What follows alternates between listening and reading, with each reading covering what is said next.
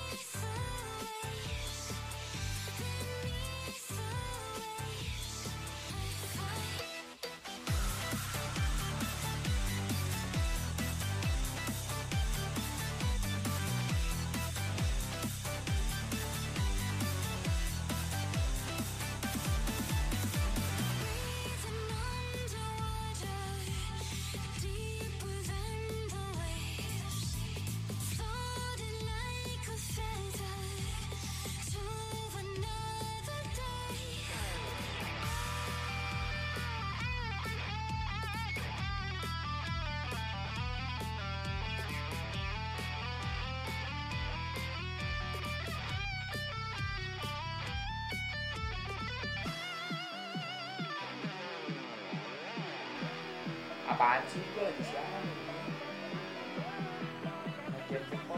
他。